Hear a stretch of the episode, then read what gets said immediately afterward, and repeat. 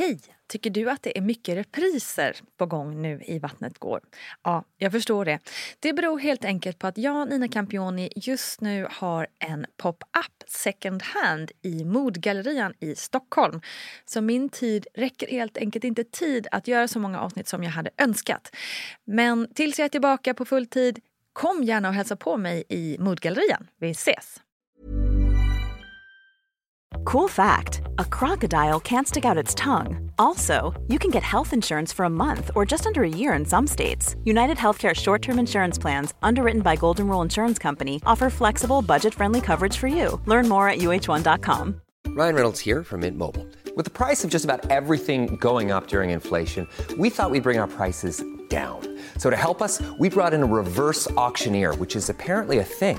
Mint Mobile unlimited premium wireless. Ready to get 30, 30, bit to get 30, bit to get 20, 20, 20, bit to get 20, 20, bit to get 15, 15, 15, 15 just 15 bucks a month. So, Give it a try at mintmobile.com/switch. slash $45 upfront for 3 months plus taxes and fees. Promo rate for new customers for limited time. Unlimited more than 40 gigabytes per month slows. Full terms at mintmobile.com. Since 2013, Bombas has donated over 100 million socks, underwear, and t-shirts to those facing homelessness. If we counted those on air, this ad would last over 1,157 days. But if we counted the time it takes to make a donation possible, it would take just a few clicks. Because every time you make a purchase, Bombas donates an item to someone who needs it. Go to bombas.com slash ACAST and use code ACAST for 20% off your first purchase. That's bombas.com slash ACAST, code ACAST. Barn. Albin började bli riktigt irriterad och var så här, kan vi få tillbaka henne? Då rullade de in med tror jag, fyra barn. Frågade Albin så men vilket, här, vilket barn är ert? Nej men gud! Och han bara blev osäker. Nej, Alltså han var så här, ja, eh, först och främst hade alla mössa på sig. Det. Men eh, efter mycket om och men så såg han Alma, ah, men det här är mitt barn, det här är mitt barn. Det blonda barnet. Varmt, varmt välkommen ska just du vara kära lyssnare till ett nytt avsnitt av Vattnet går med mig Nina Campioni. Vattnet går, ja men det gör ju ändå det för de flesta gravida på ett eller annat sätt. Och det är ju faktiskt därför podden heter som den heter. För vi snackar ju om graviditet och förlossningar här. Och även om huvudämnet är just förlossningar och graviditet, skapa nytt liv, så är det ju också naturligtvis superintressant att ta in allt som händer runt omkring också. För att det påverkar ju väldigt mycket annat också. Det här barnaskapandet så att säga. Så därför tänker jag att vi går rakt på och välkomnar veckans gäst som faktiskt är en person som jag sprang in i på en hm butik i Italien. Jag hörde någon prata svenska med sina barn och liksom när man är utomlands då, då tittar man ju liksom upp eh, när man hör svenska talas. Och jag såg en blond vacker tjej med två blonda söta barn. Och så började vi prata lite trevande och kort därefter så kom hennes man fram och då trillade poletten ner. Såklart var det ju så att den enda andra svenska familjen i staden La Spezia i Italien var fotbollsfamiljen Ekdal. Och ja, long story short, men nu är hon här. Så välkommen Camilla Sjödahl Essén, grafisk designer, tvåbarnsmamma och så kallad fotbollsfru. Och nu ska vi prata om orderbrock, att föda på ett folktomt BB i Genua och varför så många fotbollsfruar blir mammor tidigt. Bland mycket annat naturligtvis. Varmt välkomna. Hur gick diskussionerna för dig och eller er när ni eh, började klura på det här med barn? Um, det var typ inte riktigt några diskussioner utan vi, vi hade varit tillsammans så himla länge. Alltså typ eh, vad var det, 10 år tror jag, eller 12, 11 år eller någonting när vi började prata om vi skulle ha barn eller inte. Eller vi pratade aldrig om det. Grejen var att Albin och jag har alltid velat ha det. Mm. Vi har alltid pratat med varandra om att vi ska gifta oss och vi ska ha barn och alla sådana grejer. Eh, och Albin ville väldigt gärna ha barn ganska länge. Eh, och han var alltid med alla grabbar liksom, i landslaget. Alla fotbollsspelare får alltid barn väldigt tidigt. Ja, vi var mycket Vad är, sena. varför är det så? Men det är ju make sense. Alltså man lämnar ett land när man kanske är 18 och Mm. eh, eh, många kanske inte hittar någonting att göra och det tar tid att liksom Mm. finna sin roll och så bestämmer man för att vi skaffar barn nu ändå. Men jag eh, jobbade alltid, eh, har alltid jobbat och eh, vi hade inte så många kompisar som hade barn så det liksom blev senare inom citationstecken för att jag var typ 28. Men eh, så jag, eh, det var inte jätteplanerat eh, men det var jättevälkommet liksom eh, när jag blev gravid och eh, jag gav det till Albin i present, eh, i alla hjärtans dag-present, att jag var gravid. Jo, för min mamma gav till min pappa i födelsedagspresent att han, hon var gravid med min bror. Och min pappa hade också alltid velat ha barn. Och jag blev så inspirerad av det så jag kände att jag, jag tror att jag väntade med att kissa liksom på stickan tills på alla dag. För jag tänkte så här, jag vet att jag är gravid och då kan jag ge det till Albin i present. Vad fint. Så han blev jätte, jätteglad. Eh, och jag med. Alltså det var liksom, det var verkligen välkommet. Förstå- Var i världen var ni då? Då bodde vi i Tyskland. Då bodde ni i Tyskland. Ja, och jag hade precis, alltså jag skulle börja på ett nytt jobb. Eh, det här var 14 februari då. Jag skulle börja på ett nytt jobb den typ 18 februari. Eh, så det kändes typ lite jobbigt eh, att ja, komma dit och sen droppa en bomb eh, några veckor senare. Men det var, det var inga problem. That's life. Liksom. Ja. Hur länge hade ni bott då i Tyskland? När det här... Eh, det var då vårt... Det, vi bodde där i tre år och det var vårt sista år i Okej. februari. Så, vi, Så ni var lite grundade där ändå? Ja, liksom. Jag vi tänker, det kan ju också vara en utmaning att, kom, eller att vara i ett helt nytt land och så bli gravid och så ja, allt vad det innebär med information och var ska man gå och allt sånt där. Liksom. Alltså det, var ju, det blev ju lite problematiskt för att jag skaffade mig liksom en... Jag hade jobbat i Tyskland, jag skaffade mig en gynekolog i Tyskland. Eh, på sommaren där så visste vi inte vart vi skulle flytta. Eh, vi flyttade till Italien. Då var det två månader kvar tills förlossning. Då var vi tvungna att börja om med allting där. Mm. Eh, och ah, det föll saker mellan stolarna i, liksom från Tyskland till... Eh, jag var på kontroll i Sverige under sommaren för jag inte visste vart vi skulle flytta. Sen Italien. Och jag har en eh, negativ blodgrupp och då ska man ta en spruta i vecka 28. Och det föll typ mellan stolarna för att det gick mellan de olika länderna. Ehm, Det är lite läskigt. ja, Eller? det blev ju lite problematiskt. Alltså, nej, jag, jag minns inte ens om jag fick det, men man får den också efter förlossningen. Så jag tror att liksom problemet löstes. Men en sån grej också. Jag hade jobbat hela tiden i Tyskland, eh, så jag ville söka liksom, mammapenning. Men det föll också mellan stolarna. För att jag, då, då bodde jag inte i Tyskland längre, Nej. kunde inte få något från Italien. Jag, Sverige hade jag inte jobbat i på flera år, så där fick jag inget heller. Liksom, var tillhör man? Var Verkligen. Man, ja, jag fattar. Eh, men eh, det löste sig väldigt bra Mm. eh, till slut. ändå. Men när du då kom till Italien, för eh, nu har jag, vi båda erfarenhet av Italien och liksom att det inte alltid är helt lätt och ehm, så med allt. Hur, hur hittade du liksom ens? Hur visste du var du skulle ta vägen och hur hittade du? Det blev så himla bra. Eh, via Albins lag så fick han en kontakt till en eh, kvinna. Eh, så vi bokade ett möte med henne. Hon kom insladdandes på liksom en moped eh, i typ klackar och klänning och eh, var bara världens bästa. Då, jag pratar italienska men och jag gjorde det även då men inte lika bra så hon pratar engelska och det var jätteskönt. skönt. Eh, Jag fick hennes Whatsapp-nummer, jag kunde ringa henne hela tiden. Jag kunde skriva hej, hon heter Gloria. Jag kunde liksom skriva hej Gloria, eh, jag, kan jag komma in på kontroll? Typ. Mm. Och hon bara kom om en timme så gjorde, kunde jag hur många kontroller jag ville. Ja. Ja. Eh, det var jättelyxigt. Hon Ja. var också den som skulle, jag skulle ringa när det drog igång med förlossning. Liksom. Så det blev bättre än i Sverige skulle jag säga Ja, ja men kontaktmässigt. exakt, precis. Och det är ju dit vi alla vill komma liksom, Mm. även här. Uh, nu är det synd att eh, politiker och så inte riktigt verkar lyssna på det örat, men eh, det är ju där man vill hamna liksom. Att Mm. Man har den närheten och den tryggheten, exakt. Gud vad bra. Men då, då var ni i ett nytt land nu då. Eh, hur kändes det liksom inför förlossningen att vara på ett nytt ställe?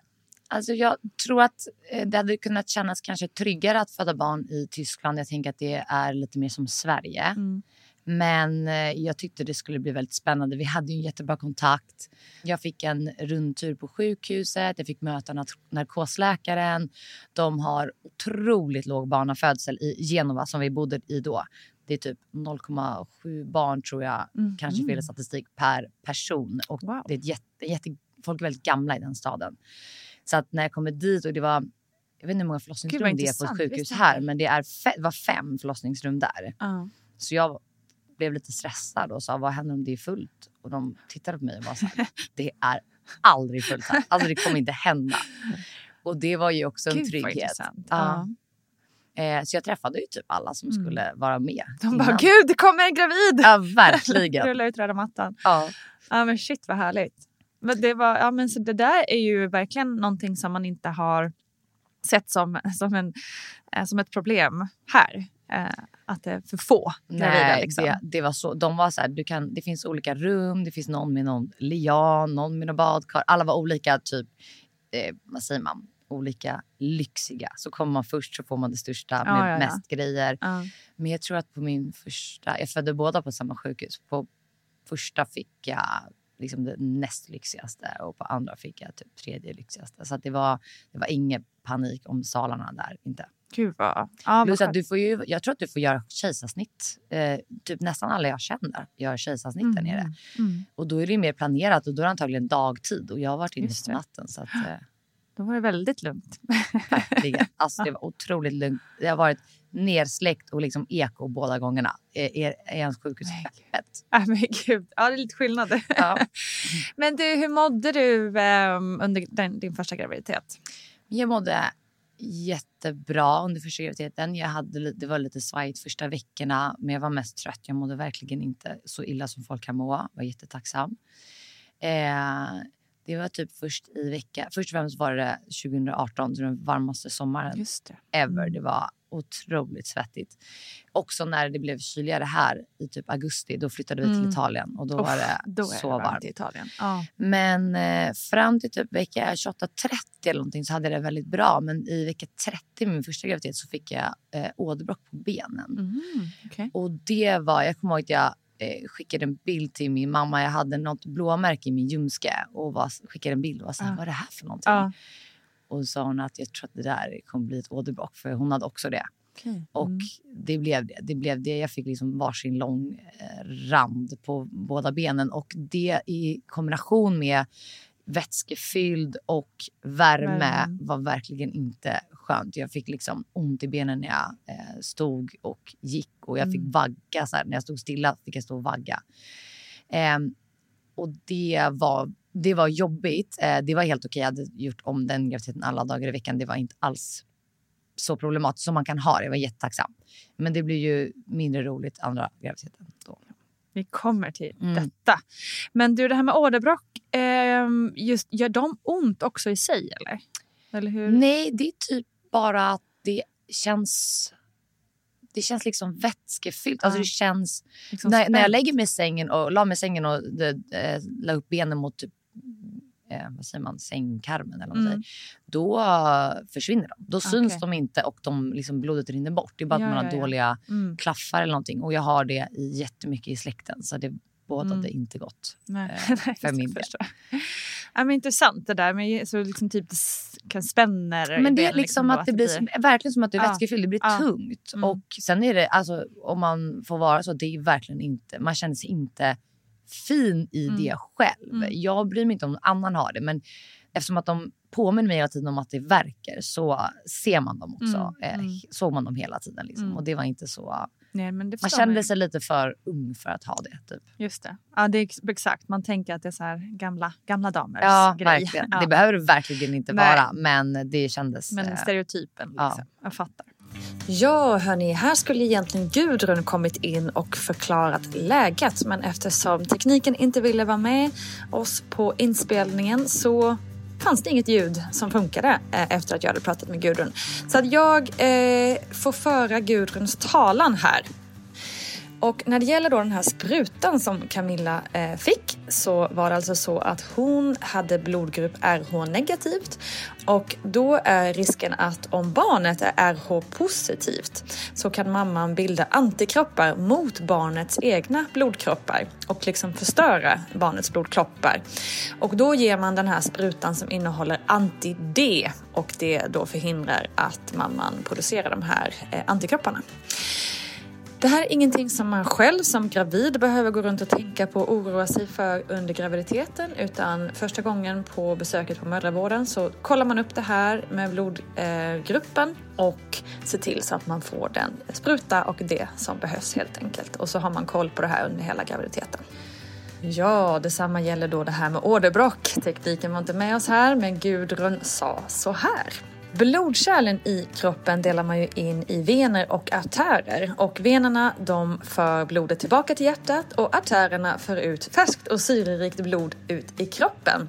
Och under graviditeten så händer det ju massor i kroppen, det vet ni redan. Och bland annat så ökar mängden blod med ungefär 40 till 50 procent i kroppen. Och det är ju naturligtvis en stor belastning för kroppen och för kvinnan men också naturligtvis för blodkärlen och framförallt kanske för venerna som ska jobba hårt som attan och det kan också i processen skapa klaffar i venerna. Venerna kan förstoras och förslappas.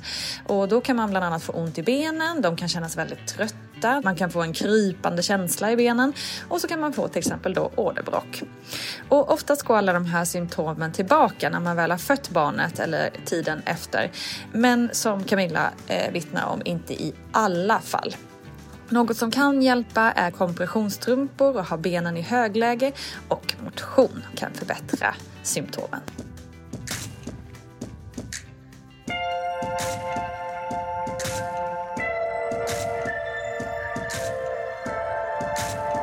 Okej, men då eh, går vi ju närmar oss eh, BF då. Mm.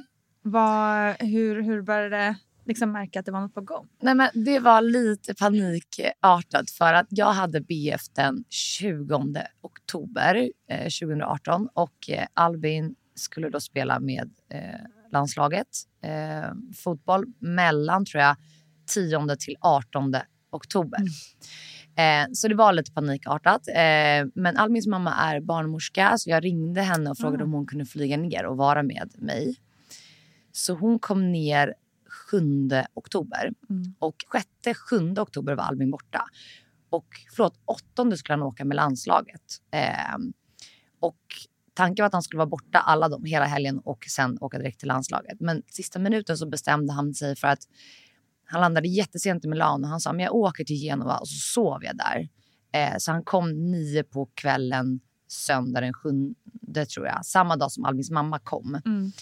Eh, och då skulle han flyga sen 8 oktober, fem på morgonen. Så han var hemma i alltså, jättefå timmar. Mm. Och när Albins eh, match spelas på söndag, när den är slut eh, i Milano då, då började jag känna eh, verkar. Eh, och jag vill inte säga någonting till Albins mamma för jag kände lite att det, det är säkert bara ett påhitt liksom. Men jag började klocka de här verkarna i smyg. Och, eh, för jag, jag kände att om jag säger till henne nu att jag börjar få verka kanske hon säger men det är vanligt. Ja, det kommer exakt. inte, ja. exakt. Men så skickade jag det en printscreen till min mamma och hon sa att hon direkt, eh, hon bara så det hade jag med och hon började kolla direkt flygbiljetter för att komma ner Wow. för hon tänkte att det här kommer dra Ja. igång. Så jag hämtade Albin klockan nio på kvällen eh, när han anlände med, med eh, bussen med laget och eh, vi gick hem och åt middag och sen gick vi och la oss. Men jag, jag somnade aldrig för mina verkar liksom blev värre och värre. Och som tur var var ju Albins mamma där så att typ i två på natten någonting så väckte jag Albin och sa att det här nu gör det jätteont. Alltså jag måste, vi måste göra någonting. Så vi pratade med Albins mamma och hon sa att eh, ni måste åka in till sjukhuset. Så vi åkte alltså in 2.30 och Albins taxi skulle gått klockan fem. Och då skulle han varit borta i, i tio dagar. Det är helt sjukt. Ja, för det var också det att han bokade sista minuten att komma tillbaka till Genova och inte åka direkt från Milano. Exakt. Så då hade jag fött själv.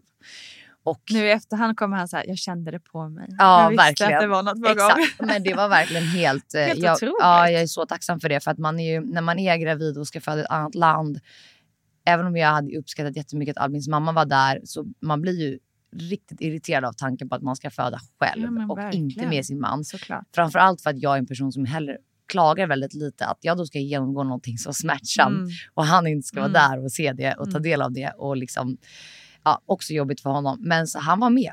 Så att hon föddes eh, eh, vid nio på morgonen och då eh, fick han stanna med mig några dagar, vilket också var tacksamt. Mm. För annars hade han behövt åka Just det, iväg på match eller något liksom. sånt.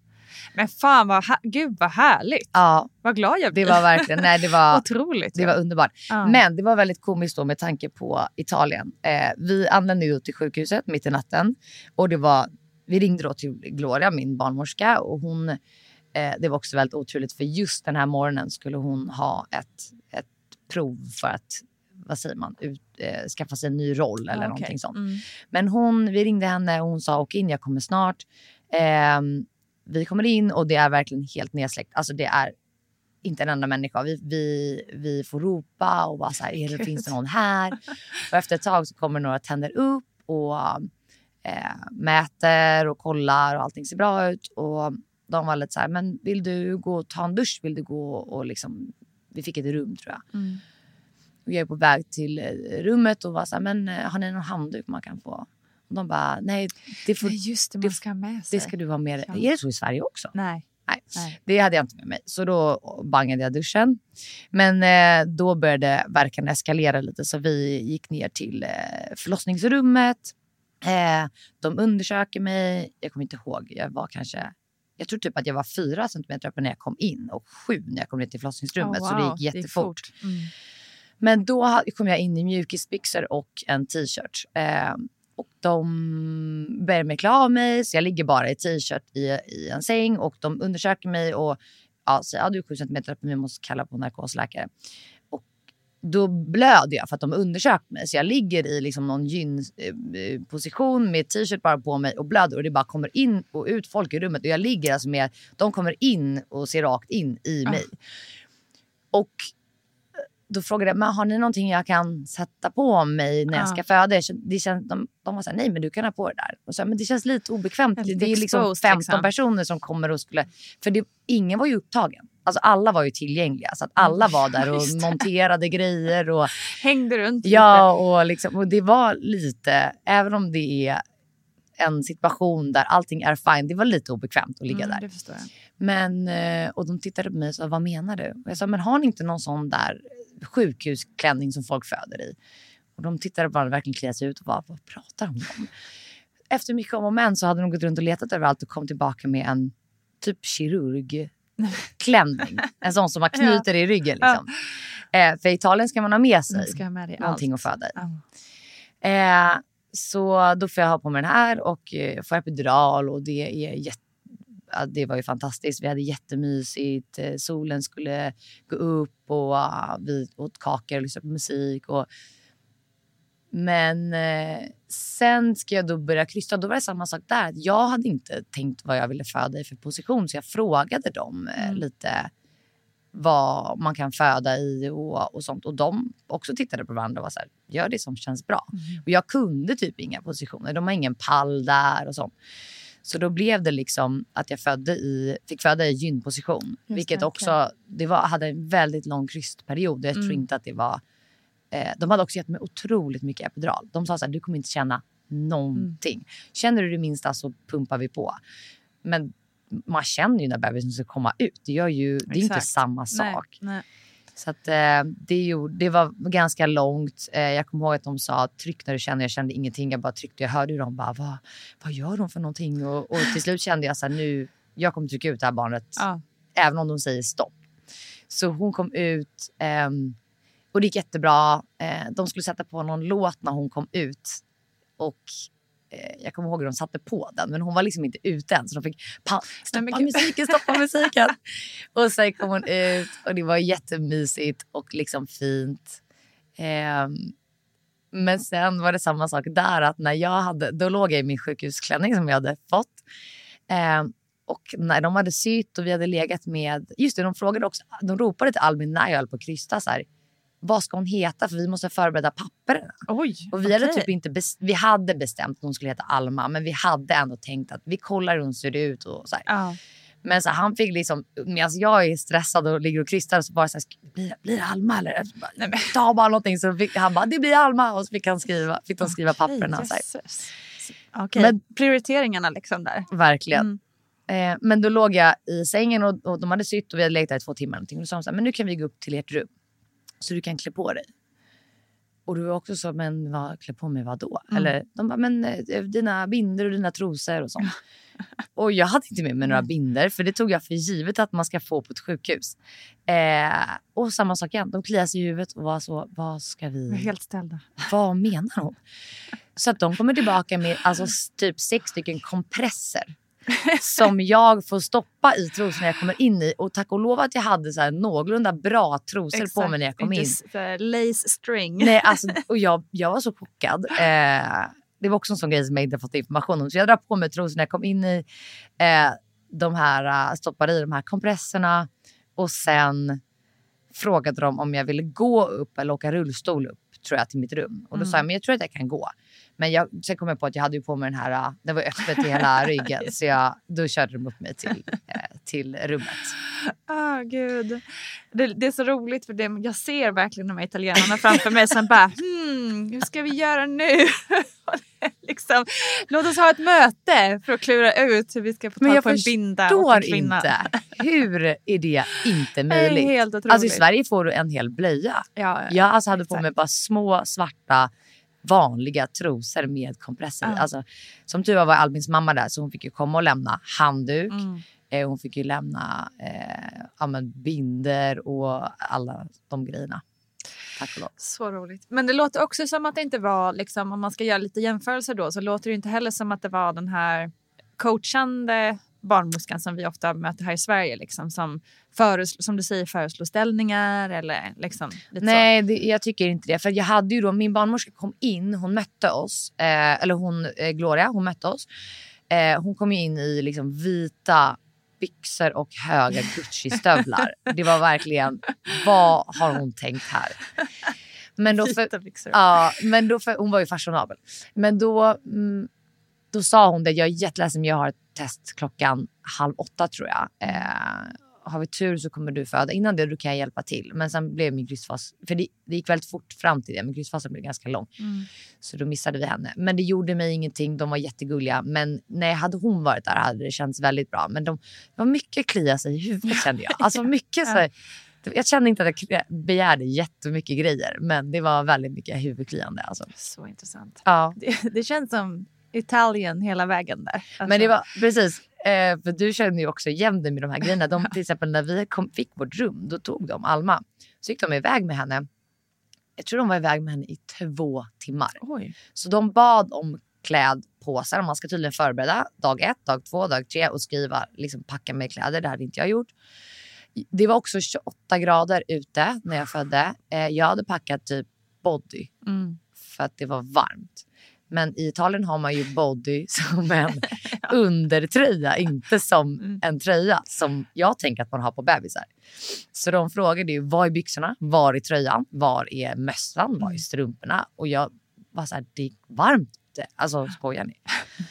Men så de var iväg, de klädde på henne, de badade henne, de bytte blö- första blöjan. De, jag vet inte ens om, alltså jag minns inte ens om Alvin klippte navelsträngen. Eh, Nej, De gjorde allt de gjorde allt. här barska barnmorskor som Mm. kommer tillbaka. Så vi verkligen frågade var är vårt barn? Alltså jag kommer inte ihåg hur hon ser ut. Jag kommer inte ihåg. Alltså, vi låg där och hade rätt tråkigt. Var så här, vi pratade lite om förlossning. Det var lite mysigt ett tag men sen var det liksom vår, vi är här för vårt barn och hon är borta. exakt. Man vill ju se sitt barn med sitt barn. Liksom. Men så de, kom, de rullade in med fyra barn. Albin började bli riktigt irriterad och var så här, kan vi få tillbaka henne? Då rullade de in med tror jag, fyra barn eh, och frågade Albin, så, men vilket, här, vilket barn är ert? Nej men gud.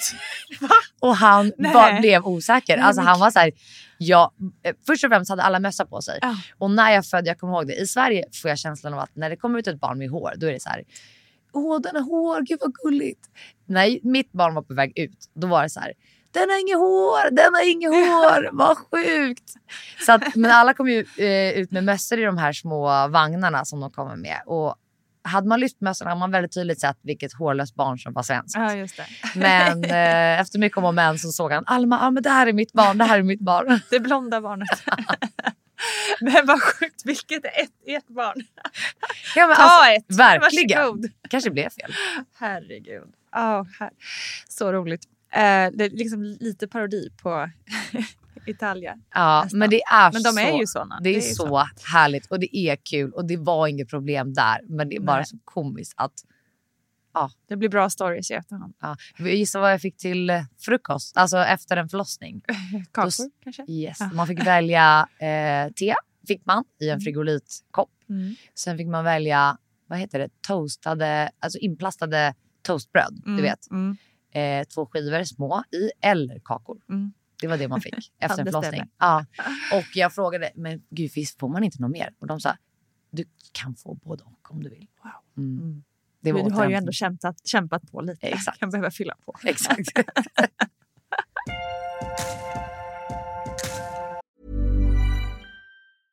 Cool fact a crocodile can't stick out its tongue. Also, you can get health insurance for a month or just under a year in some states. United Healthcare short term insurance plans, underwritten by Golden Rule Insurance Company, offer flexible, budget friendly coverage for you. Learn more at uh1.com. Hey, I'm Ryan Reynolds. Recently, I asked Mint Mobile's legal team if big wireless companies are allowed to raise prices due to inflation. They said yes. And then when I asked if raising prices technically violates those onerous two year contracts, they said, What the f are you talking about, you insane Hollywood ass?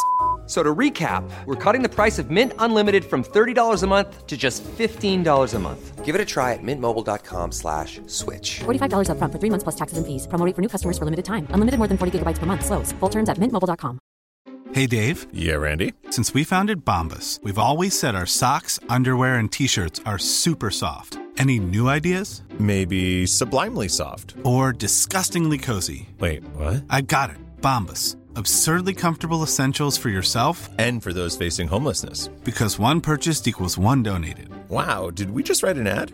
Yes. Bombas. Big comfort for everyone. Go to bombas.com slash ACAST and use code ACAST for 20% off your first purchase.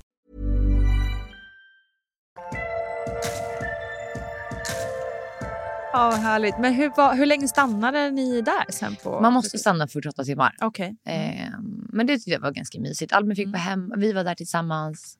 Eh, och det, gick, det var jättemysigt att vara där. Och, Hur upplevde du att du mådde? Liksom? Det kan ju lätt komma lite. Det är mycket hormoner, det är mycket som liksom sätts igång. Man kanske inte är helt hundra i kroppen. Eller hur kände du dig? det var ju väldigt smärtsamt. i- Jag kommer ihåg att det var så jobbigt att man på att man har en bebis i famnen och man ska hasa sig och sätta sig upp. Att det gör så himla ont mellan benen när man har sytt och du ska försöka förflytta dig i en säng och amma. Det gör ju jätteont att amma i början tycker jag. Ehm, man vet inte så mycket och man, är plötsligt, man har varit vaken hela natten och kan typ inte Exakt. sova ikapp någonting. Men känslomässigt var det väldigt bra. Eh, det var absolut en chock för det är som att man tror att man ska komma ett barn som man ska se att det här är mitt barn. Så kommer ett barn som bara, det här är mitt barn men jag trodde att det skulle, jag trodde jag skulle så se mig som en bebis i famnen. Typ. Just det. Ja. Eh, så det är också sjukt att så här, Gud, det här är vårt barn. Mm. Men eh, känslomässigt var det väldigt bra och lugnt. Liksom. Härligt. Mm. Hur tycker du att det var liksom sen att mm, liksom var den här nya föräldern i, i Italien just också? När man liksom, alltså här är det väldigt mycket så här, här blir det mammagrupp, du har BVC och du liksom kommer in i det där. Liksom, Mm. så. Hur, eh, hur funkar det där? Men det var ju tur för Albins mamma kom ju, hon skulle ju vara där i tio dagar. Så hon var ju där med oss och hon är ju barnmorska så att det var jätteskönt att ha henne där. Hon var, hon var ganska snabb med att säga så här, jag tycker ni ska prova nappen och jag tycker ni ska prova flaska. och det var skönt. Det var skönt för hon är lite, inte för ehm, hon är lite så go, kanske inte riktigt så som barnmorskorna säger. Det var lite Mm, skönt för mm. en push att vara lite mer avslappnad Mm. än vad man Lite mer liberal. Ja, Mm. eh, jag hade ju ont. Jag kunde inte gå så mycket. Eller jag gick men jag orkade inte gå så långt. Och sådär. Det var skönt att ha henne där. Hon kanske kunde gå ut lite och promenera med henne. Och hon hjälpte oss. Alma hade väldigt mycket problem med magen eh, ganska länge. Och alltid på kvällarna. Det var skönt för då hade hon massa tricks och Mm. sånt. Sen att inte ha mammagrupper eller sådana grejer tyckte jag inte var så jobbigt. Alltså vi, det var jättefint väder ute. Det var mysigt att vara där. Mina föräldrar kommer ner och mina kompisar kom ner senare. Och jag satt mest och typ kollade på tv och var ute i vår trädgård och det var jätteskönt. Eh, Jag kan känna det i mina kompisar som får barn nu som har många att träffa. Det är ganska hektiskt. Mm, jag kollade på skräp-tv och ammade Så och åt frukost i sängen. Jag tyckte det var jättemysigt. Fan vad rätt. Mm. Det låter som exakt det man ska göra. Mm. Alltså verkligen. Ja, Det där, men det där är en bra påminnelse tycker jag. För, det, för min egen del, när jag, eller min, när jag fick mitt första barn, Mm. så var jag väldigt eh, så här... Ingenting ska förändras, jag ska ut, jag ska vara med, det är event, jag ska på den grejen, jag ska vara Mm. med, jag ska fika, jag ska li, ut på restaurang. Du vet så här, eh, hetsade något så djävulskt Mm. runt. Eh, och det är ju inte bra för någon. Jag hade 100% Liksom. varit likadan med både i Sverige. Ja. Verkligen. Ja, men det är ju en sån, eh, framförallt kanske storstäderna. Liksom. Det är Mm. en sån attityd på något vis. Men det att, händer ju eh, grejer hela tiden ja. också som man då är medveten om att man missar. Ja. Jag missade ingenting. Nej, Och det var, jag hade vänner där nere och sånt så det var inte så att jag var ensam. Det var bara väldigt skönt. Mm. Lugnare tempo. Jag är så tacksam för det. Att båda gångerna så bara tog jag det lugnt. Liksom. Fan vad bra. Mm. Så nyttigt tror jag också. Enklare att bonda med sitt barn också, Mm. eh, skulle jag gissa. Mm.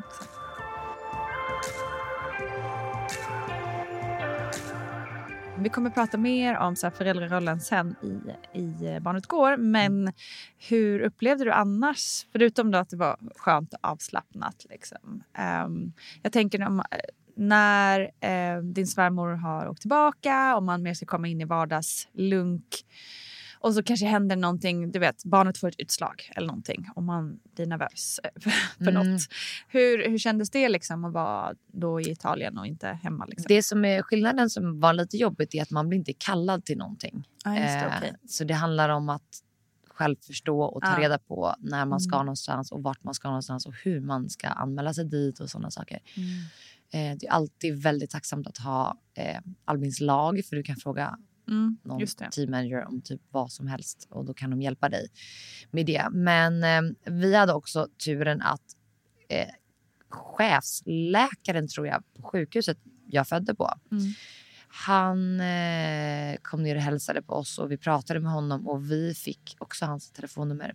Alltså en grej med Italien som är typ det enda där de är i framkant, för det är de inte i typ någonting. Men det är att man whatsappar vem som Ja, helst, sant. var som helst. Alltså Det det är är, sant. restauranger, Ja. eh, doktorer, Mm. typ förskolan. Mm. Det är så tacksamt. Du har Mm. alltid ett direktnummer till någon.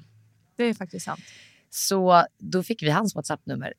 Eh, stackars honom. För att eh, man ringer om mycket grejer på olägliga tider när man är nybliven förälder. Mm. Eh, men han hjälpte oss också då med Almas mage mycket och att hon... Eh, de sa typ att hon var ett colicky baby. Att hon, hon hade inte kolik men hon liksom gränsade Mm. där. Mm. Så vi fick mycket hjälp med det och det eh, var ju tacksamt. För jag kunde, samma sak, jag kunde skicka en bild till honom, man svarade på en minut och sa det där är ingen fara.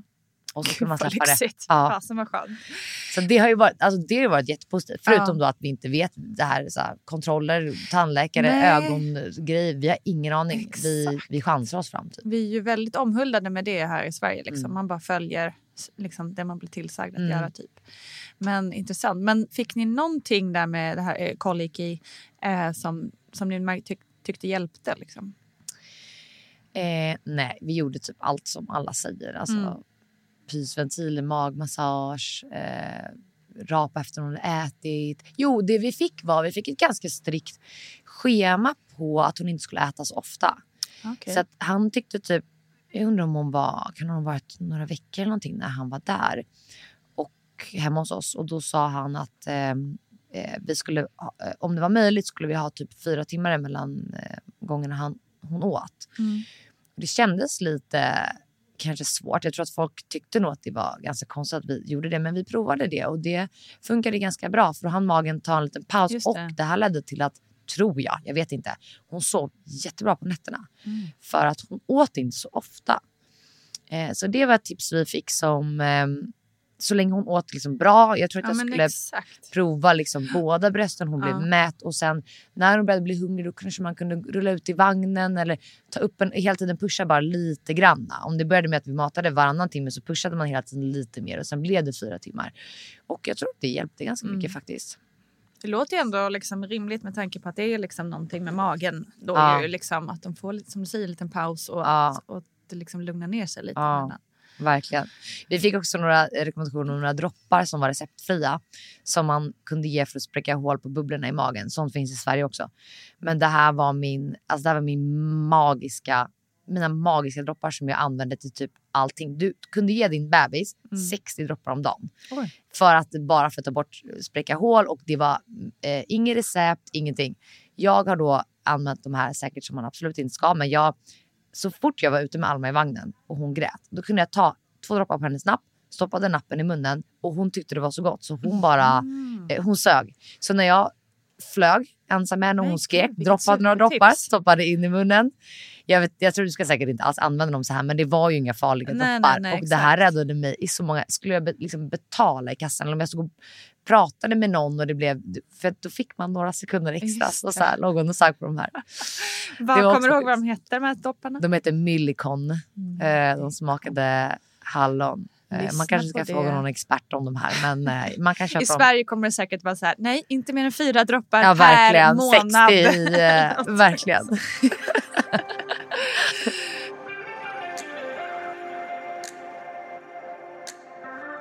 Hur lång tid till, tog det sen tills det började snackas om lite syskon och sådär?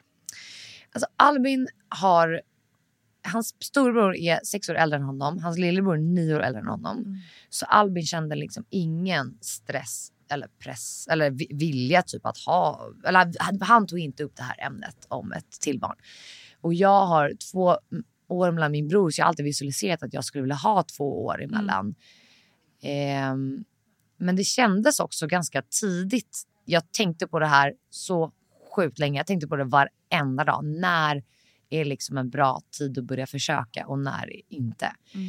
Ehm, vi pratade typ inte riktigt om det. Jag blev gravid. ehm, jag blev gravid eh, och då skulle det barnet ha kommit när Alma var två år. Men vi blev så chockade. Vi blev typ vettskrämda. Eh, det var inte planerat. Eh, vi sa inte det till en enda människa. Alltså jag, när jag, jag ring, mina kompisar visste ju om från dagen vi låg med varandra att jag, jag var jättenaiv. Jag är ju nog gravid med vårt första barn. Liksom. Alla var, in, Alla alla var var, med. medvetna. Ja. Ja. Men den här gången vi sa inte det till någon tror jag för det, vi var så chockade. Och ehm, sen eh, kom corona, allt stängde ner. Albin fick eh, corona, jag var i, i Sverige. Så att en vecka efter vi tog testet så fick jag ett missfall. Okej. Eh, jag tror typ aldrig att det barnet, alltså att, eh, aldrig att det var någonting. Jag tror Mm, bara att mm. jag hade, eller liksom att jag fick utslag hos, på stickan och att det redan hade dött eller någonting. Mm. Men eh, det var, så det var, det var ingen jobbig grej, men det fick att va- börja tänka lite på att så här, vi kanske ska ha ett barn, Mm. barn snart. Mm. Så eh, Albin var nere i sju veckor inlåst i eh, Italien och jag var hemma. Och när jag kom ner så blev jag gravid med vårt Okej. andra barn. Så det blev en liten katalysator det där. Ja, men jag tror det. Men det var, Ja. det var ändå lite så när, när jag då tänkte här, nu är jag gravid. Vi var inte, det var inte liksom jättemycket, vi var inte mycket, jättemycket glädje eller vad man säger till en början. Mm. Det var lite panik. För att Mm. då var Alma ett och ett halvt år och det kändes ganska litet. Mm. Men jag var så fast besluten om att jag skulle ha det på ett visst sätt. typ. Eh, och tack och lov att det gick väl och att jag blev gravid snabbt. Men det var verkligen eh, lite panik till en början. Men Mm. eh, det blev jättebra. Det är två år och fyra månader mellan dem och det är, de har så kul tillsammans. Mm. Och jag är så glad för det. Eh, det kan också bli katastrofdåligt om de är jättenära kanske. Men eh, det blev bra. Härligt. Ja. Du hintade ju lite om att andra graviditeten inte var lika kul. Nej. Berätta. Eh, alltså då fick, jag visste ju om det här att nu kommer det ju eskalera med åderbråcken. Mm. Jag tror jag vecka nio började, liksom började de komma De försvinner ju. De, de försvann helt när jag Okej. hade Mm. fött eh, Alma. Mm. Vilket är så sjukt för att jag det känns inte som att de ska göra det. Men de gjorde det. Mm. Ja, och sen i vecka nio tror jag så började de komma tillbaka och det verkligen eskalerade.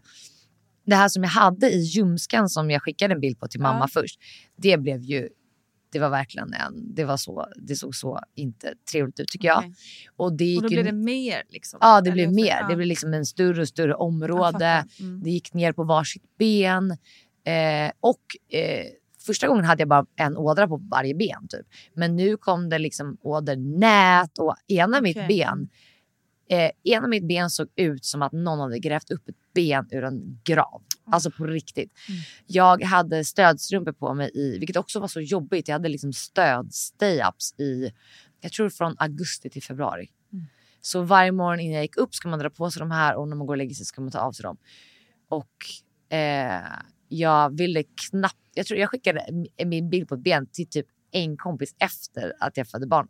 Och bara, vill du se? För det är så sjukt. Och eh, för där och då när man är i det så är det jobbigt att ändå vara så här, kolla mina ben, de ser helt sjuka ut. Mm.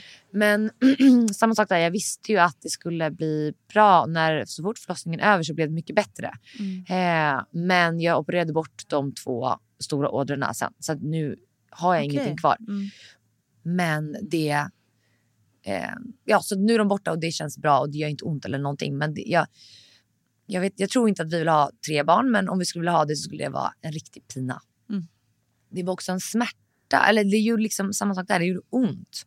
Mm. Och man blir så trött i benen och typ stödstrumporna. Jag fick panik på dem. Jag fattar det. Så obehagligt. Eh, men i övrigt så var, hade jag samma sak där. Jättebra graviditet, verkligen. Eh, det var inte så jättetungt. Det var, jag mådde inte så dåligt. Eh, det var ju väldigt tacksamt att jag födde i februari för då kunde jag ha de Mm, stödstrumporna. hade just jag fött i liksom augusti hade det varit Jag tänker jättejobbigt. det liksom gå en hel sommar med, med det. Liksom. Mm. Nej, så det, det var jobbigt. Och, eh, men man fick bara bita det sura äpplet. Mm. Det- var inte så att jag liksom räknade ner dagen utan det var mer att så här, jag vet att det här kommer bli bra. Jag vet att jag kan göra någonting åt det. Det är ju ändå skönt att, Mm. att ha med sig. Mm. Liksom. Ehm, verkligen. Det var faktiskt jätteskönt. Var, då var ni, ni var fortfarande i Genua då, Mm. ja. Just det. Okej, så då var det tillbaka till, till de tomma salarna. Exakt. Då hade jag ju samma barnmorska igen, vilket Ja. var också så skönt. Jag hade henne på efterkontroll och alla såna grejer eh, efter Alma och sen så ja, ringde jag henne och eh, vi signade in oss med, med den graviditeten. Så sen när jag skulle åka in till sjukhuset så ringde jag henne igen. Det var samma sak där, att Albin skulle iväg på någon match.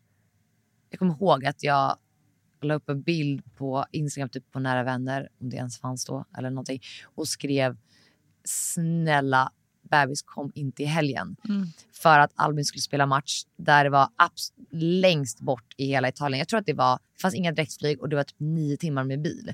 Så skulle någonting dra igång så hade han aldrig hunnit hem. Nej. Eh, han skulle åka lördag den 6 februari och eh, komma tillbaka söndag den 7. Och på fredag den 5 så började jag få lite verkar. Och då ringde jag till Albins mamma och sa att vad ska jag göra? Eh, först sa hon att "Ja, men om du har bara lite verkar så ligg helt stilla. Mina föräldrar var där nere så de kunde vara Mm. eh, med Alma. Eh, ligg helt stilla, alltså ställ dig knappt upp. Typ. Låt dem serva dig hela kvällen. Men sen ringde jag henne på eftermiddagen och var så här, det är typ en verk i timmen nu, nästan var 45 minuter. Och hon sa, nej det är kört. Det är bara upp och gå och liksom dra igång det här. Så samma sak där, då åkte vi in vid... Eh, hon sa också det att jag födde ganska fort Ja, senast. exakt. Så hon sa det, snälla bara åk in Mm. tidigare än senare i och med att det ändå inte är fullt och det är ingen som tar upp, plats, eller du tar upp en plats för någon, så åk in. Så vi åkte in, eh, då var jag typ två centimeter öppen, jag hade inte så mycket regelbundna Regelbundna, verkar. mm. Men så de skickade hem Albin, för det var ju corona då. Eh, så att han, Ja, vi ja, bodde ja. bara tio minuter från sjukhuset, så det var väldigt smidigt. Men de skickade hem honom och jag fick ett rum och då fick jag ganska mycket värk. Alltså jag hade med mig handduk, så jag tog en dusch. Du ser. Lär sig. Eh, Man lär sig verkligen. Jag hade med mig ett nattlinne som jag skulle föda i. Mhm. Det heter typ så här, föda nattlinne eller någonting på italienska. Eh, det var ju svårt Okej. att välja det här då för att Ja. man tänker där kommer jag ju behöva slänga sen. Och vad är skön, vad är skön längd, vad är skön liksom, kavla upp armarna. Men så jag tog en jättelång dusch och fick ganska mycket verkar. Och jag stod, det var jätteskönt, jag hade jättevarmt vatten på min rygg och bara stod och Mm. duschade och duschade. Och så kände jag att nej, nu måste jag gå och vila eller typ någonting. Satte på mig mitt nattlinne, mina trosor och ska gå och lägga mig. Och då, eh, alltså världens vattenballong som bara splash i marken. Alltså mitt vatten då. då. Eh, och då kom jag ihåg att Albins mamma hade sagt att du måste vara jättevarsam på att om ditt vatten går så kan det ta typ 20 minuter innan barnet är ute. Så var beredd på det. Mm. Att eh, ta det med respekt. Typ. Så i nästan verken så ringer jag Albin och är så här, du måste åka nu. Eh, För han fick komma tillbaka liksom. Ja, ja, han fick, komma tillbaka. han fick bara mm, inte vara med i, vä- i mitt ru- väntrum. Ah, typ. okej, Vilket också var okej. helt värdelöst det var inte en enda människa Nej. där. Men det var regler. Mm. Eh, så då var klockan fyra. Jag ringer på larmknappen. Samlar ihop mina kakor. Det enda jag hade med mig. Eh, jag går till undersökningsrummet. De undersöker mig. Då var jag fyra centimeter öppen tror jag. Så de sa att gå ner till, eh, förloss- gå ner till förlossningsrummet. Och jag vill minnas det som att, jag vet inte om det här är konst eller inte, men jag tyckte det var jättekonstigt. Jag tror att jag gick ner ensam. Jag skulle precis säga det. Gå Ja. ner till förlossningsrummet. Det De var typ såhär, ta hissen till Ja. våning två och sen gå till vänster. Knacka på. Liksom. Ja.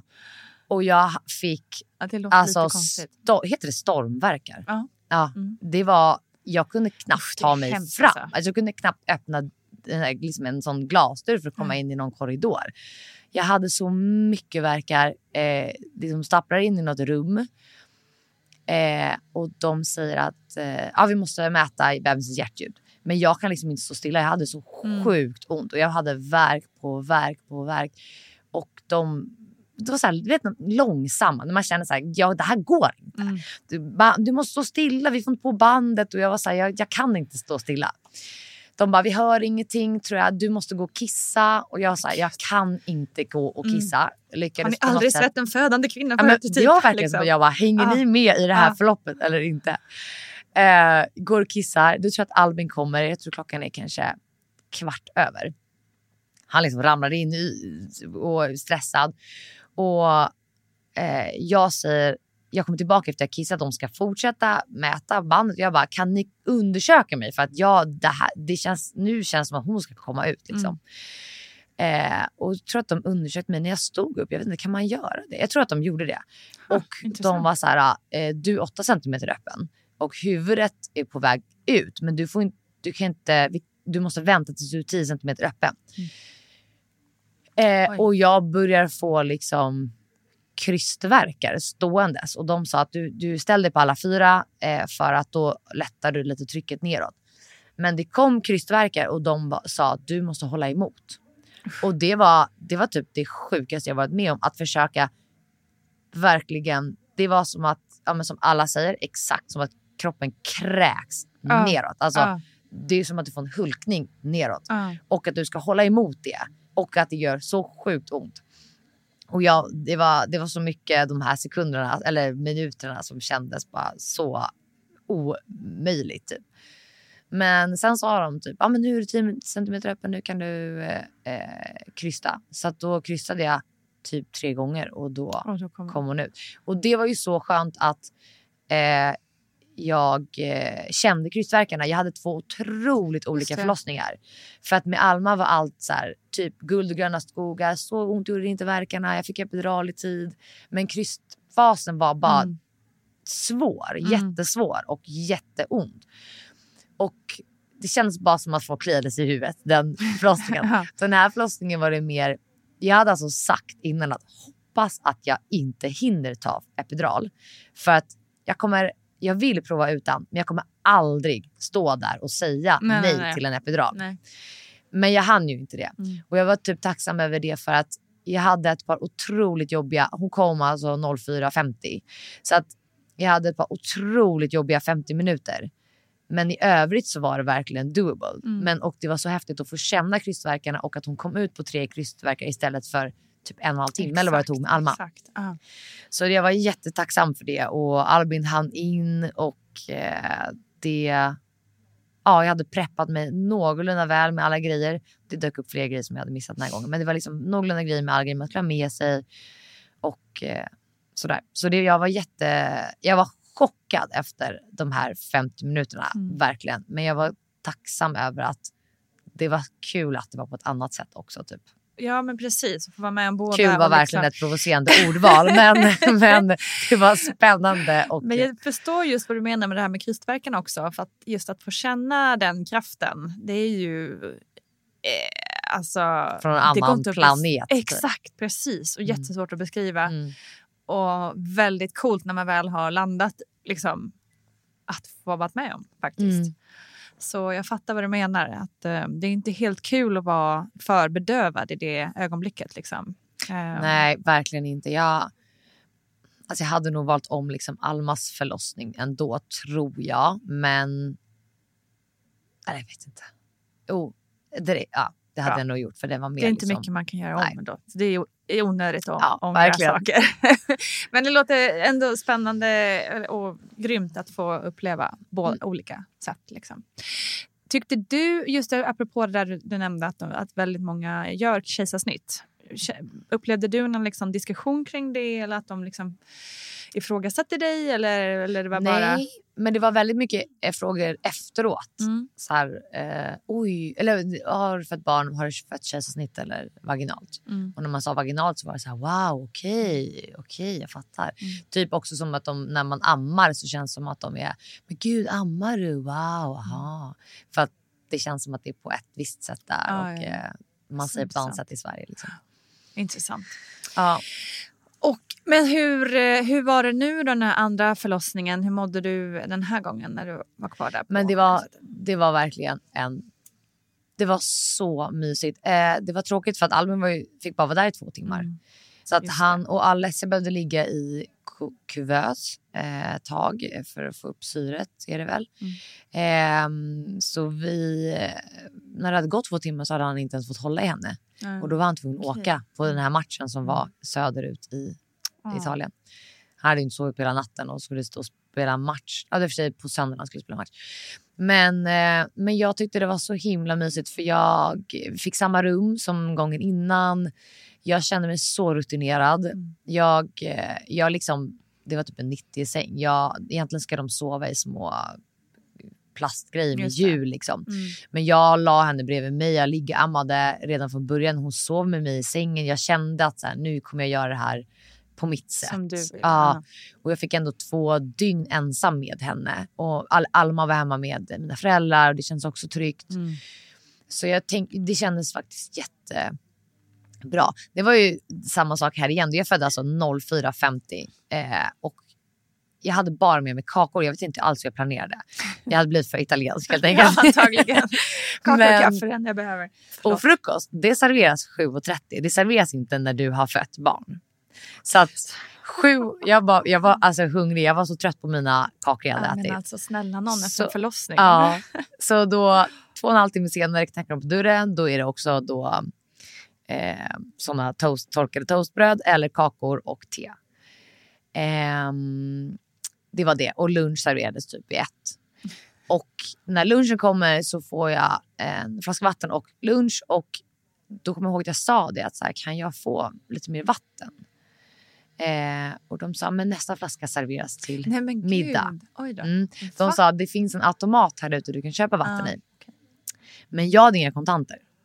Eh, inga mynt eller någonting. Så jag sa, men mina föräldrar, jag har inga kontanter. Mina föräldrar, kan de komma och lämna kontanter till mig så kan jag handla vatten? Mm. Och de säger att nej, för det är corona så de får inte vistas på området. hjälp.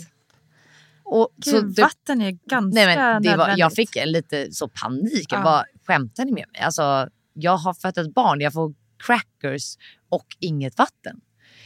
Eh, men jag lyckades eh, såklart så hittade jag en pizzeria som levererade pizza till sjukhuset. så jag, Handlingskraftig kvinna. eller hur? Så jag beställde pizza och typ litervis med vatten. Eh, så att jag hade bunkrat Ja. upp. Men det är också så här, jag tycker att de är så olösningsorienterade. Ja, men så är det ju Alltså jag hade, sett. ja, Mm. jag, hur kan man inte låta någon komma och lämna pengar eller sticka dit några extra vatten? Alltså Mm, det är vatten vi exakt, pratar om. exakt. Jag hade kunnat ha kranvatten. Lägg det på fakturan. Typ, Alltså liksom, verkligen. fall. Ja. Eh, men i övrigt så hade jag det så mysigt verkligen. Eh, och jag var så tacksam för att få så lugn och ro i två dygn och vara med henne. Du förstår, jag, en bra start tillsammans. Mm. Liksom. Jättemysigt. Härligt.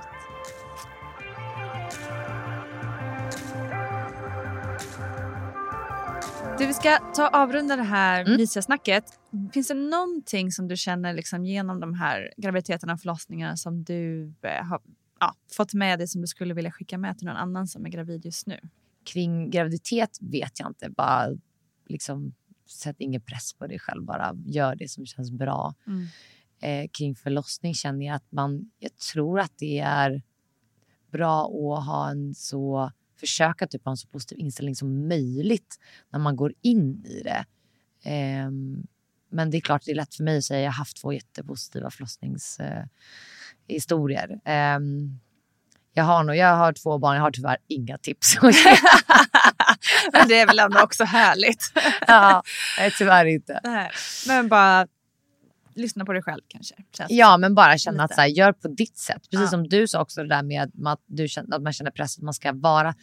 Jag kände absolut att jag ville vara samma person även när jag hade fått barn. Men, men, men det viktigaste är din tid med barnet. För att du kan alltid bli den personen igen om du vill det. Du behöver inte mm. stressa bort den tiden. Att mm. liksom, det, var, det är mysigt att bara inte göra någonting och känna att man får kvalitetstid och liksom gå och fika eller gå ut och äta middag kan man göra en annan gång. Mm. Så sant. Mm. Det finns tid för det sen. Ja. Bra. Tusen, tusen tack Camilla Sjödahl Essén. Så väldigt fint att höra din historia och så intressant att höra just skillnaderna våra länder emellan. Just precis innan jag skulle spela in den här lilla påan och avan till avsnittet så spanade jag in Camillas Instagram och såg bilder från mitt egna eller min mans kanske man ska säga, Cinque Terre. Jag kände att Italien kändes väldigt långt borta just i detta ögonblick så njut där nere. Senare i veckan kommer också Camilla tillbaka till podden och i Barnet Går berättar hon om livet som förälder i Italien. Hörni, ni som lyssnar, tusen tusen tack för att ni har lyssnat. Och nu vill jag höra vad du tycker. Skicka gärna mig ett DM på Insta om det är någon gäst som du är extra nyfiken på att höra. Och kanske också om det finns någon gäst som du vill höra igen och vill veta vad som hände sen. Så tipsa, tipsa, tipsa. Jag finns här och lyssnar, jag lovar. Tipsa också gärna en kompis om podden, det vore också toppen. Och missa inte att det finns en fantastisk mammagrupp på Facebook där vi stöttar varandra och finns för varandra. Så finns ju såklart Vattnet går, även på Instagram och TikTok. Det finns överallt, jajamän. Ha det bäst hörni, vi hörs snart igen. Kram!